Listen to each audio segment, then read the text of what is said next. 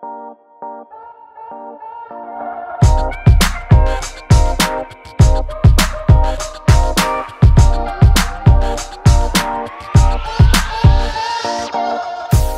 pagi, selamat siang, selamat sore, dan selamat malam para pecinta dan pendengar setia Abasto.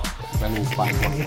Kita masuk ke episode ketiga di tahun 2024. Yes. Kita masih tag di hari yang sama tanggal 4 Januari.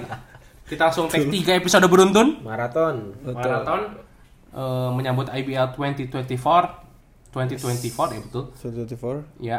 eh, di episode ketiga ini kita akan bahas tentang pemain lokal pemain lokal. yang mungkin akan menjadi atau mencuri spotlight di IBL musim depan ya. Ya. Di maraknya eh, dominasi para pemain asing, Asing. dan juga para pemain senior. Ya.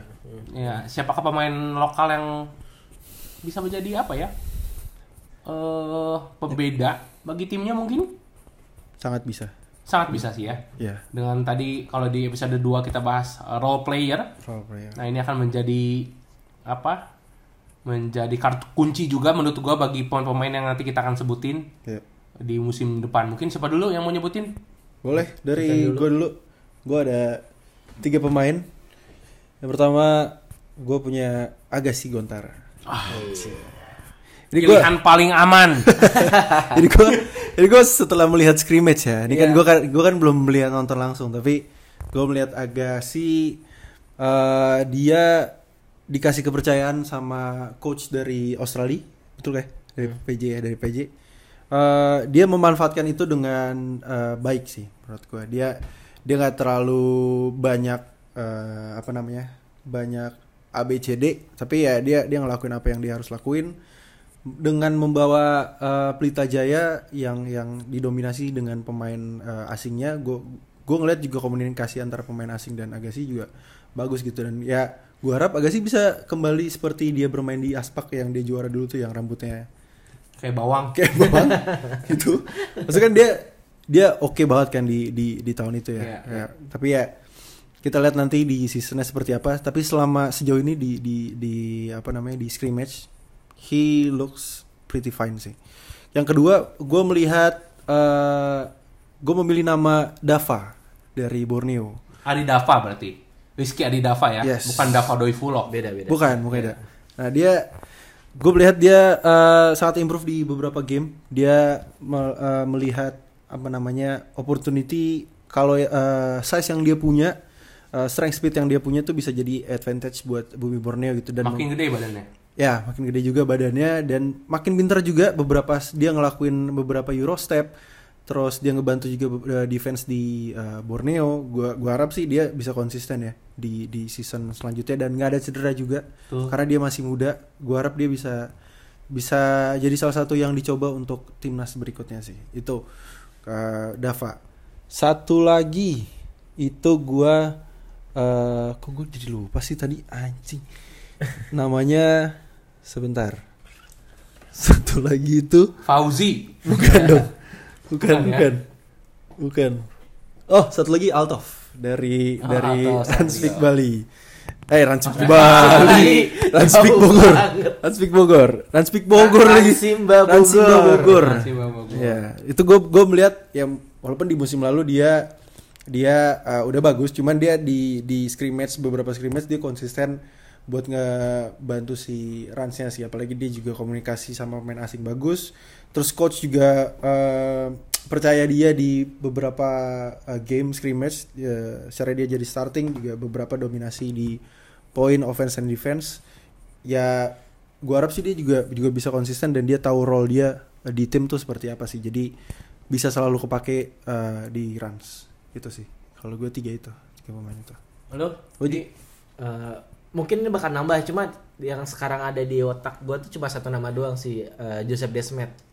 Joseph Oke. Desmet itu kan Bima Perkasa eh ini Bima Perkasa tuh jadi tim ketiganya dia setelah dia main di Bali terus kemudian tahun kemarin di Hang Tuah sekarang dia di Bima Perkasa Iya. mungkin di Hang Tuah musim kemarin kan eh, menitnya berkurang nih ketimbang dia di Bali ketika di awal-awal Betul. Eh, apalagi dia di Bali kan dia sempat masuk ke dalam nominasi rookie Iya. rookie of the year waktu itu Eh, nah ketika dia sekarang masuk ke BPJ yang notabene nya banyak pemain-pemain muda gitu eh, pas kemarin wawancara dia bilang nih, oh di tim baru ini banyak nih teman-teman sepantaran. Oke. Banyak teman-teman sepantaran yang lebih ini nah. Nah, makanya di situ gue melihat eh, di musim depan itu bakal jadi kesempatan dia untuk membuktikan dirinya. Eh, dia eh, Show di up, show squad up. iya, dia show up di show up. Show Show, up.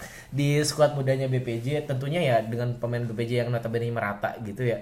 Eh, dia bakal menurut gue ya bakal punya banyak kesempatan untuk membuktikan nih permainannya dia nih. Apakah kemudian dia yang tadinya jadi nominasi Rookie of the Year eh, di awal karir dia apakah dia bisa nih mungkin di musim depan ya jadi move apa Most improved. uh, most improved player gitu ketika dia bisa membuktikan permainannya dia di ba di Bali di apa di Ba- BPJ. BP BB- di BPJ itu sih kalau di kalau lagi kepikiran di gue ya cuma mungkin nanti gue bakal nambahin sih kalau lu gimana bu Ya gue sih ada lima nama sebenarnya. Oke, banyak. oh banyak tuh Yang ada, soalnya gue beberapa udah pernah nonton, jadi udah bisa ngeliat kan kalau mungkin lu berdua kan belum pernah nonton kan, jadi mungkin scrimmage aja. ya belum Ya. ada kepikiran kan. Kalau gue udah beberapa kali nonton, jadinya udah ada kepikiran nih pemain-pemain yang mungkin akan jadi eh, bisa berbicara banyak musim depan.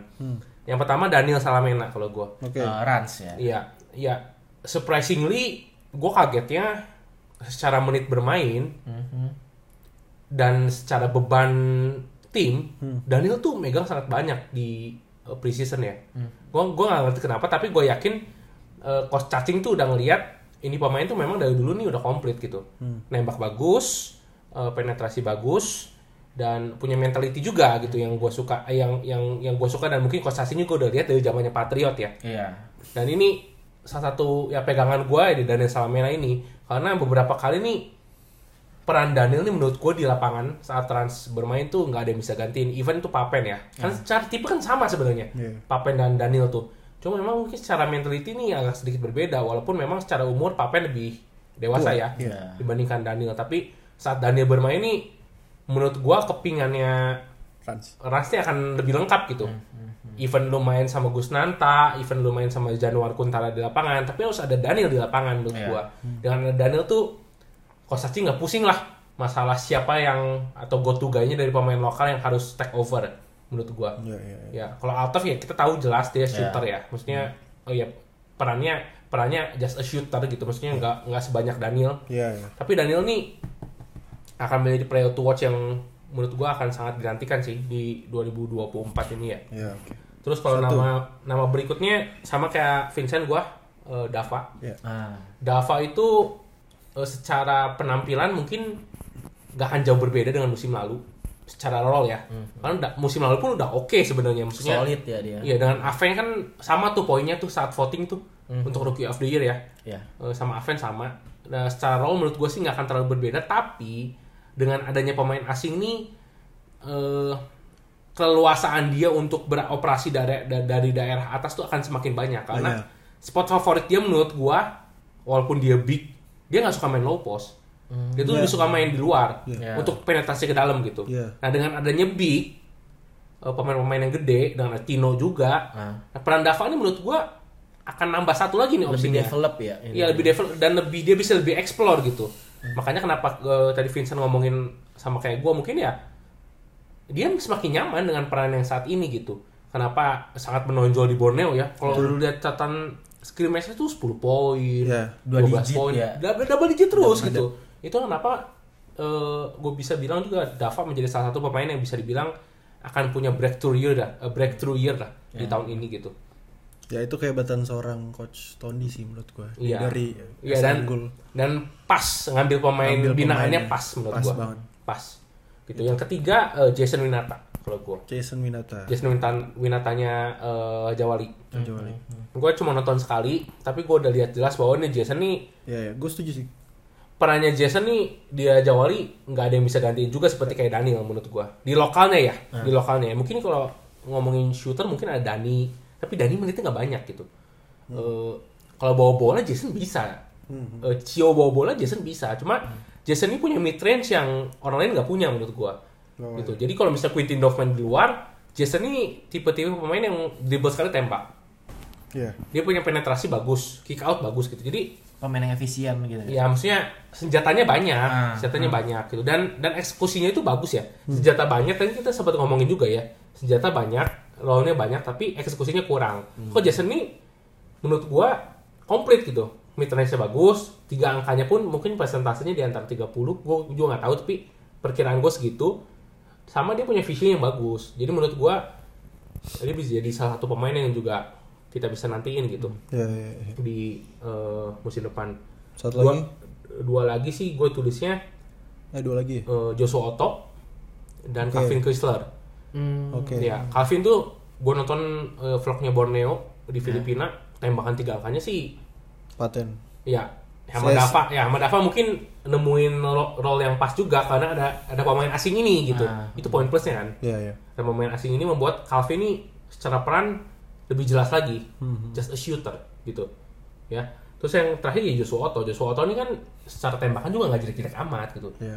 Nah tapi kan PR-nya Hang Tuah dari tahun ke tahun adalah masalah sizing kan. Ya. Nah dengan pulihnya Amaludin Ragol, ada pemain asing juga, terus juga eh, mungkin eh, apa pemain-pemain kayak Rizky Agung Pranata juga datang, pemain-pemain yang bisa tugasnya rebound Ya. ada di mereka gitu. Nah Joshua Otto nih secara skill set mungkin akan lebih kelihatan di tahun depan ya. Walaupun gue juga baru nonton nonton sekali sih Hang Tua, ya gue bisa lihat Otto nih akan jadi peran, jadi pemain yang juga punya peran yang akan sulit digantikan lah oleh para pemain lokal lainnya di Hang Tua sih. Itu lah. Betul. Mungkin kalau gue bisa menambahkan tapi lebih ke apa ya? Pemain yang kalian harus apa ya?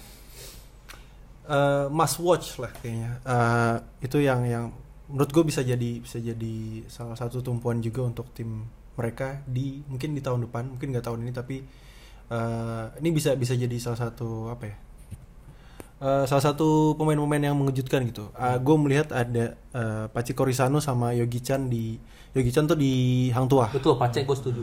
Sama Pace tuh di Dewa United. Dia beberapa juga dikasih kepercayaan sama coachnya buat jadi as a, as a starter dan dia dia manfaatin itu benar-benar bagus di di di beberapa game scrimmage ya.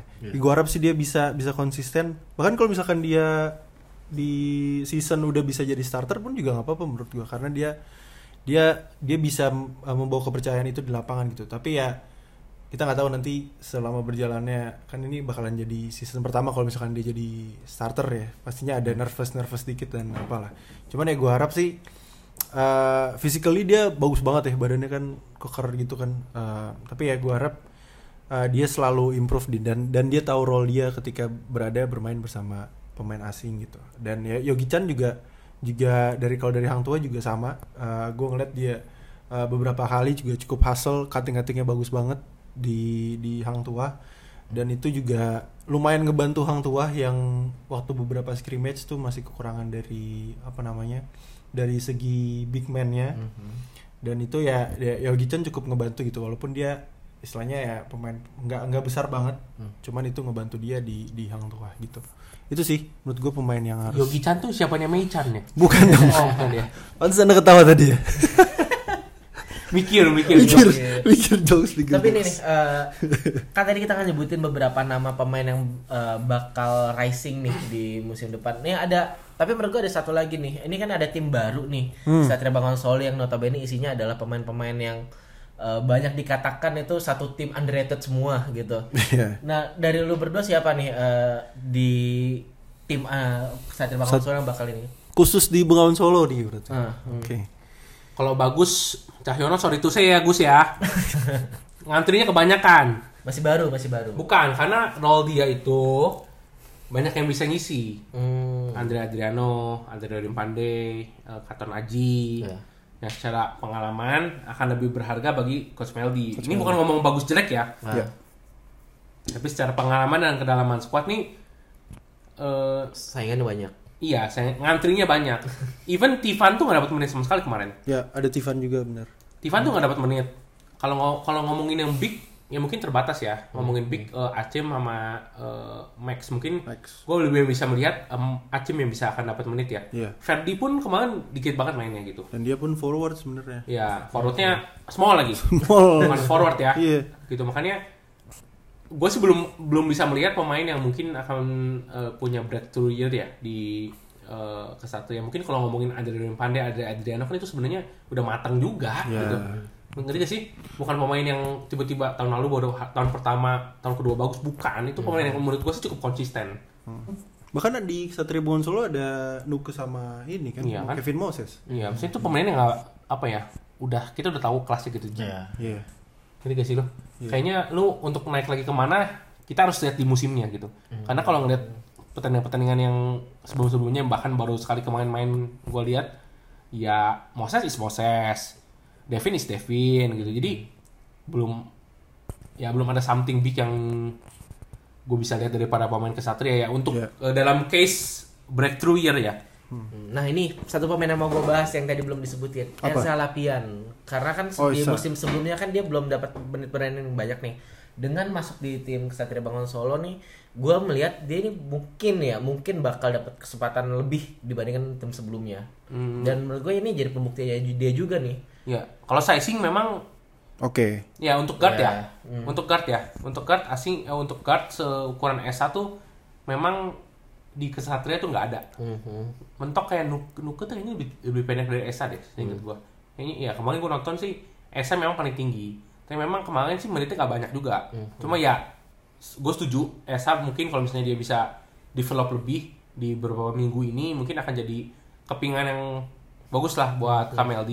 Tapi sejauh ini sih kalau ngomongin sekali lagi guard di Kesatria cukup solid sih. Maksudnya dalam artian pemain-pemain yang yang matang itu banyak. Jadi pemain-pemain yang tadinya nggak dapat menit itu agak sulit juga menurut gua untuk nembus eh, deretan pemain utamanya gitu. Iya. Hmm. Walaupun gua baru nonton sekali ya, Iya. tapi gua ngeliat berat lah.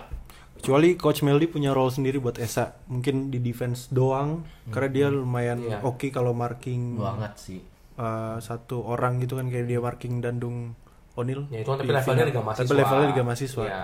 Cuman ya mungkin kalau misalkan Coach Meldy punya role lain itu beda cerita sih kayak Iya. gitu. Yang kalau Kesatria tuh itu case-nya menurut gua. Iya. Bukannya mereka jelek ya. Iya. Ngantrinya kebanyakan. Betul. Ini kalau ngomongin most improve atau breakthrough year kan menitnya harus ada dong. Kalau menitnya nggak ada ngapain kita Iya. ngapain kita omongin Iya. Itu Iya, sih. iya. Oke. gitu. Ada lagi mungkin Apalagi yang bikin lu penasaran mungkin pemain Hawks. pemain pemain. Pema- Hawks sih sejauh ini ya sejauh ini kan nggak banyak berubah juga ya ada Danny Ray eh, mungkin ya Winston ya Winston harus lebih naikin level lagi menurut gua tahun lalu dia udah oke Tapi tahun ini menurut gua levelnya harus lebih meningkat lagi Winston Iya, iya. Eh, Danny Oh, ini sih mungkin Winston lebih lah, agak kritikal karena posisi dia sebenarnya akan akan dipush dari Andrew Lansun juga karena Iya. Andrew Lansun nah itu juga tuh dia lupa kerja kerja kerasnya benar-benar. gokil sih menurut gua dia offense and defense-nya bagus banget. Iya, iya, iya Lanson, Lanson. Lanson. Kalau ngomong breakthrough year, gue juga lupa Lanson sih. Gue tadi juga mau nyebut itu si Lansun. Ya, Andrew Lanson nih pemain yang ya tadi kayak Esa sebenarnya posisinya tuh guard, big guard. Hmm. Eh, bisa megang bola, bisa penetrasi, ketembakan tiga angka. Gua nggak yakin dia bagus. Karena gue Iya. jarang lihat juga dia tembak tiga angka. Iya, Mhm. main jarang. Tapi secara ball handling, Lanson top. Cuma kalau di Tangerang Hawks nih, kebanyakan pemainnya tuh udah jelas role-nya kayak Danny Ray, Ya, Fieri, gitu Gabu, Winston as a facilitator. Iya, Iya. tapi kalau mau ngomongin satu pemain ya Lensun, Lensun yang, sih. yang yang akan bisa, Bisa. jadi breakthrough year ya Lensun. Kalau yang lain menurut gue sih udah matang lah maksudnya mungkin nggak akan improve banyak gitu ya. Iya. Maksudnya improve yang lebih gitu. Kalau Dani Ray kan kita udah lihat dari tahun lalu. Dari tahun lalu. Dua tahun lalunya gimana, tahun lalunya gimana kan kita udah lihat ya. Itu sih tambahan ya, boleh Iya, kalau dari SM tim-tim gede PJ, PJ gue nggak lihat pemain yang Mungkin kalau SM Oh, kalau SM ini mungkin Dam, gua dame sih. Dam ya. Soalnya dia kan eh, di musim lalu bersama Patriot itu dia selalu konsisten masuk eh, sebagai apa player of Starter. the ya starter, start- starting five player of the month. Eh, apakah ini ini kita ngomong Patriot ya dengan levelnya. Nah, ketika dia level up nih masuk ke SM yang tentunya pastinya level permainan pemain-pemainnya lebih tinggi. Apakah dia tetap bisa nih step up seperti dia di Patriot? Nah, makanya itu tadi nih apakah eh, tahun ini musim ini ya bakal jadi pembuktian buat Dam nih. Apakah dia emang udah di level itu atau dia harus develop lagi sih kalau menurut gua kalau develop sih pasti ya. Hmm, Kalau menurut gue soalnya umurnya masih berapa? 18 ya? 17? masih muda Ya segituan lah, 2004 perkenalannya lah aja masih pakai baju SMA Iya, iya masih 2004 seinget gua umurnya Dam. Ya makanya kalau dari SM sih eh, peran Dam Julian mungkin ada cuma nggak akan akan mungkin dam yang lebih besar sih. iya iya iya iya Karena gue ngeliat di beberapa scrimmage pick and roll, dia mereka punya deadly pick and roll sih eh, si antara Abraham, Jared Shaw, itu Dam yang naik tuh, wah enak banget tuh. Iya, Abraham iya. punya pilihan banyak banget lah opsinya. iya iya iya. Maksudnya Dam bisa nembak, Jared Shaw juga nembak. Kadang oke juga. ini sama kayak Hawks menurut gua pemain-pemainnya secara role udah jelas improve-nya juga menurut gua nggak akan terlalu banyak ya Maksudnya yang tiba-tiba dari 8 eh, dari, dari 40 tiba-tiba ke 80 gitu. Hmm. paling nambahnya dikit-dikit. Kayak misalnya Bram eh, udah 85 nih naikin 87 lah gitu. Ya. Iya, iya. ya memang udah segitu udah bagus gitu. Kayak kalau kita melihat improve kayak NBA player gitu dari kayak Luka Doncic minta misalkan yang kayak dia naikin masa ototnya gitu kayaknya kalau di Indonesia agak susah ya. Mungkin kita ngeliatnya dikit-dikit gitu ya. Iya, ya Luka juga kan sebenarnya pemain yang dari awal udah konsisten kan. Iya. Makanya kalau ngomongin most improve kayaknya nggak cocok ke dia. Iya makanya. Ini nggak sih? Level dia udah MVP, MVP, gitu. MVP. Iya. Top tier dia. level most improve lagi ini. Top tier dia. Gitu sih. Oke. Mungkin pembahasan dari pemain lokal ya Oh, sudah cukup ya. PJ PJ si ini siapa? apa yang baru kemarin masuk rookie Ya Itu ini Agassi juga gua sebenarnya levelnya udah nggak enggak breakthrough lagi. Udah breakthrough lagi harusnya dia udah bisa di atas. siapa sih kok gue lupa ya namanya yang, yang baru masuk perbanas Greens. Greens Oh Greens. Nah, gimana Greens, Greens. Eh, agak susah sih Agak kayak role ya. karena dia itu tadi kalau kalau gue ngeliat case nya sama kayak Kesatria Bengawan Solo. Antrinya udah kepanjangan. Antrinya panjang. Apalagi eh Yesaya, Agassi, Ar Arigi, Mhm. Aldi mungkin yang Dede, pasti dia bergeser, Dede juga di situ. Pras, Bin Jawato. Bin Jawato. itu ngantrinya kalau di tempat makan udah sampai parkiran kali ya Ya, saking panjangnya lumayan panjang lah. Cuman nggak tahu ya, mungkin ada yang cedera nanti atau apa Pak amit-amit kan ya, tapi So ya. far sih gua nggak ada melihat chance ya. Chance untuk Ansu punya peran lebih lah di PJ. Khususnya musim depan ya. Tuh, Tapi untuk develop dia sih bagus. Iya. Tapi kalau kita ngeliat di Liga Mahasiswa sih oke banget. Iya. Dan gua yakin ini untuk Ansu ya. Gue udah ngomong kemarin ketemu dia di Liga Mahasiswa udah nggak usah main lagi. Udah lu di PJ udah fokus aja. Iya. Jangan turun lagi. Lu ngapain lagi? Udah tau dua tahun beruntun. Tapi sebenarnya bisa ya harusnya ya? kalau di 5 ya? Atau Bisa dia kalau ngambil S2 bisa. Oke. Karena di PJ kan dia baru masuk roster tahun ini. Baru baru setahun hitungannya kayaknya. Iya. Kalau aturannya masih sama ya. Kalau ya gitu. Oke. Ada lagi mungkin Fauzi nih, mungkin kayak Fauzi ada lagi nih. Prawira mungkin siapa Prawira? Prawira. Prawira. Prawira kan tadi kita udah sepakat bilang udah pada jadi semua. Kelvin, Kelvin kan. Aduh. Kan berapa menit Kelvin? Kelvin dapat menit. Kelvin. Itu bisa juga sih tapi Kelvin gue juga setuju. Iya, Kelvin bisa jadi. Kalau Iya, Kelvin iya. kan tahun sebelumnya belum dapat menit. Iya, iya. Iya, kayaknya kayaknya eh, dia bisa apa ya? ngebantu nge-backup dari si Pandu juga sih. Iya. Dari segi defense juga block-block shotnya juga bagus banget gue ngeliat di beberapa scrimmage. Iya. Lumayan lumayan ngebantu sih Kelvin. Kalau Prawira sih gue yakin Kelvin. Prawira Kelvin bisa Kelvin. banget sih. Kalau Jacob Lobu tuh gue yakin levelnya dia udah di situ. Maksudnya menitnya kan udah bagus juga di Iya, BPJ, BPJ kan. kemarin kan. Maksudnya levelnya pasti segitu juga tuh. Iya. Kalau Kelvin kan kita tahu potensinya, tapi menit bermainnya tuh nggak ada. Gitu. Hmm. Eh, it's a, it's a good sign buat Kelvin sih menurut gue. Iya, dan Prawira. Dan Iya. Prawira. Betul. Itu ada lagi Fauji, Fauji, apa lagi Fauji? Yang belum kita sebut kenapa Borneo? Eh, Borneo udah tadi. Ini ya? udah. Eh, Raja Wali tadi udah. Raja Wali udah. Bali. Nah, ya. nah Nah, Bali sih LG paling. iya, tapi ya skuadnya sejauh ini sama-sama aja, cuman mereka menambah beberapa rookie aja. Ya, rukinya pun nggak diumumin lagi. Ah, ah. tapi belum ya? Belum. belum kayaknya deh. Belum. Bali, BPJ, Joseph ya. Kalau kalau Joseph Desmet gara-gara mungkin nggak ada pemain yang selevel dia lagi sih. Iya. Iya. Ada Muklis satu tuh pemain rukinya tuh pemain Undip, gue tahu. Hmm. Main dia main 5 cuma levelnya sih jauh sama Joseph ya. Iya. Hmm. Tapi ya Joseph gua harap juga bisa Ngebuktiin grow diri dia up, juga bisa ya. buktiin juga sih. Iya. Apalagi tadi BPJ eh, Satya Wacana ya. Satya Wacana. Satya Wacana mungkin Kevin ya. Kevin Siombing, Hmm. Iya. rookie shooter Iya. setinggi Noval, Apa? Lebih konsisten bahkan ya kalau dari Satya Wacana mungkin gua si Kevin ya, Kevin Siombing. Eh, Pacific Pacific, Pacific. rukinya sih nana banget ya. Gua ngobrol sama Aven eh kayak belum selevel Aven menurut gua. Iya. Pacific sih levelnya sih ya gua harapnya Dava sih sebenarnya kan Dava semoga nggak gusak gerusuk lagi Dav ya gue ngobrol juga sama dia tuh di Liga mahasiswa gue harapnya si Dava Dava kan sebenarnya kecepatan juga ya promosinya gitu Promosinya. langsung jadi utama gitu kan Iya. nah, gue harapnya tahun ini dia lebih wise lagi bisa belajar lebih banyak dari Gregorio Wibowo Ya itu sih.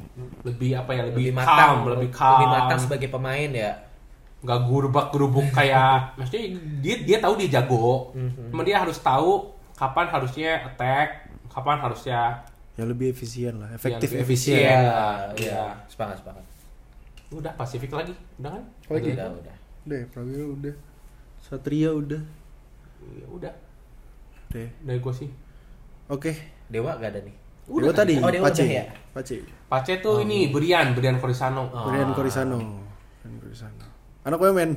Syarat syarat buat Wemen. alumni Goma Vincent Alumni Universitas Multimedia Nusantara. Iya. Jalur cepat itu Jalur cepat. tiba-tiba UMN aja Tiba-tiba Wemen aja. Kayak dia mau UPH tapi gagal ya mungkin.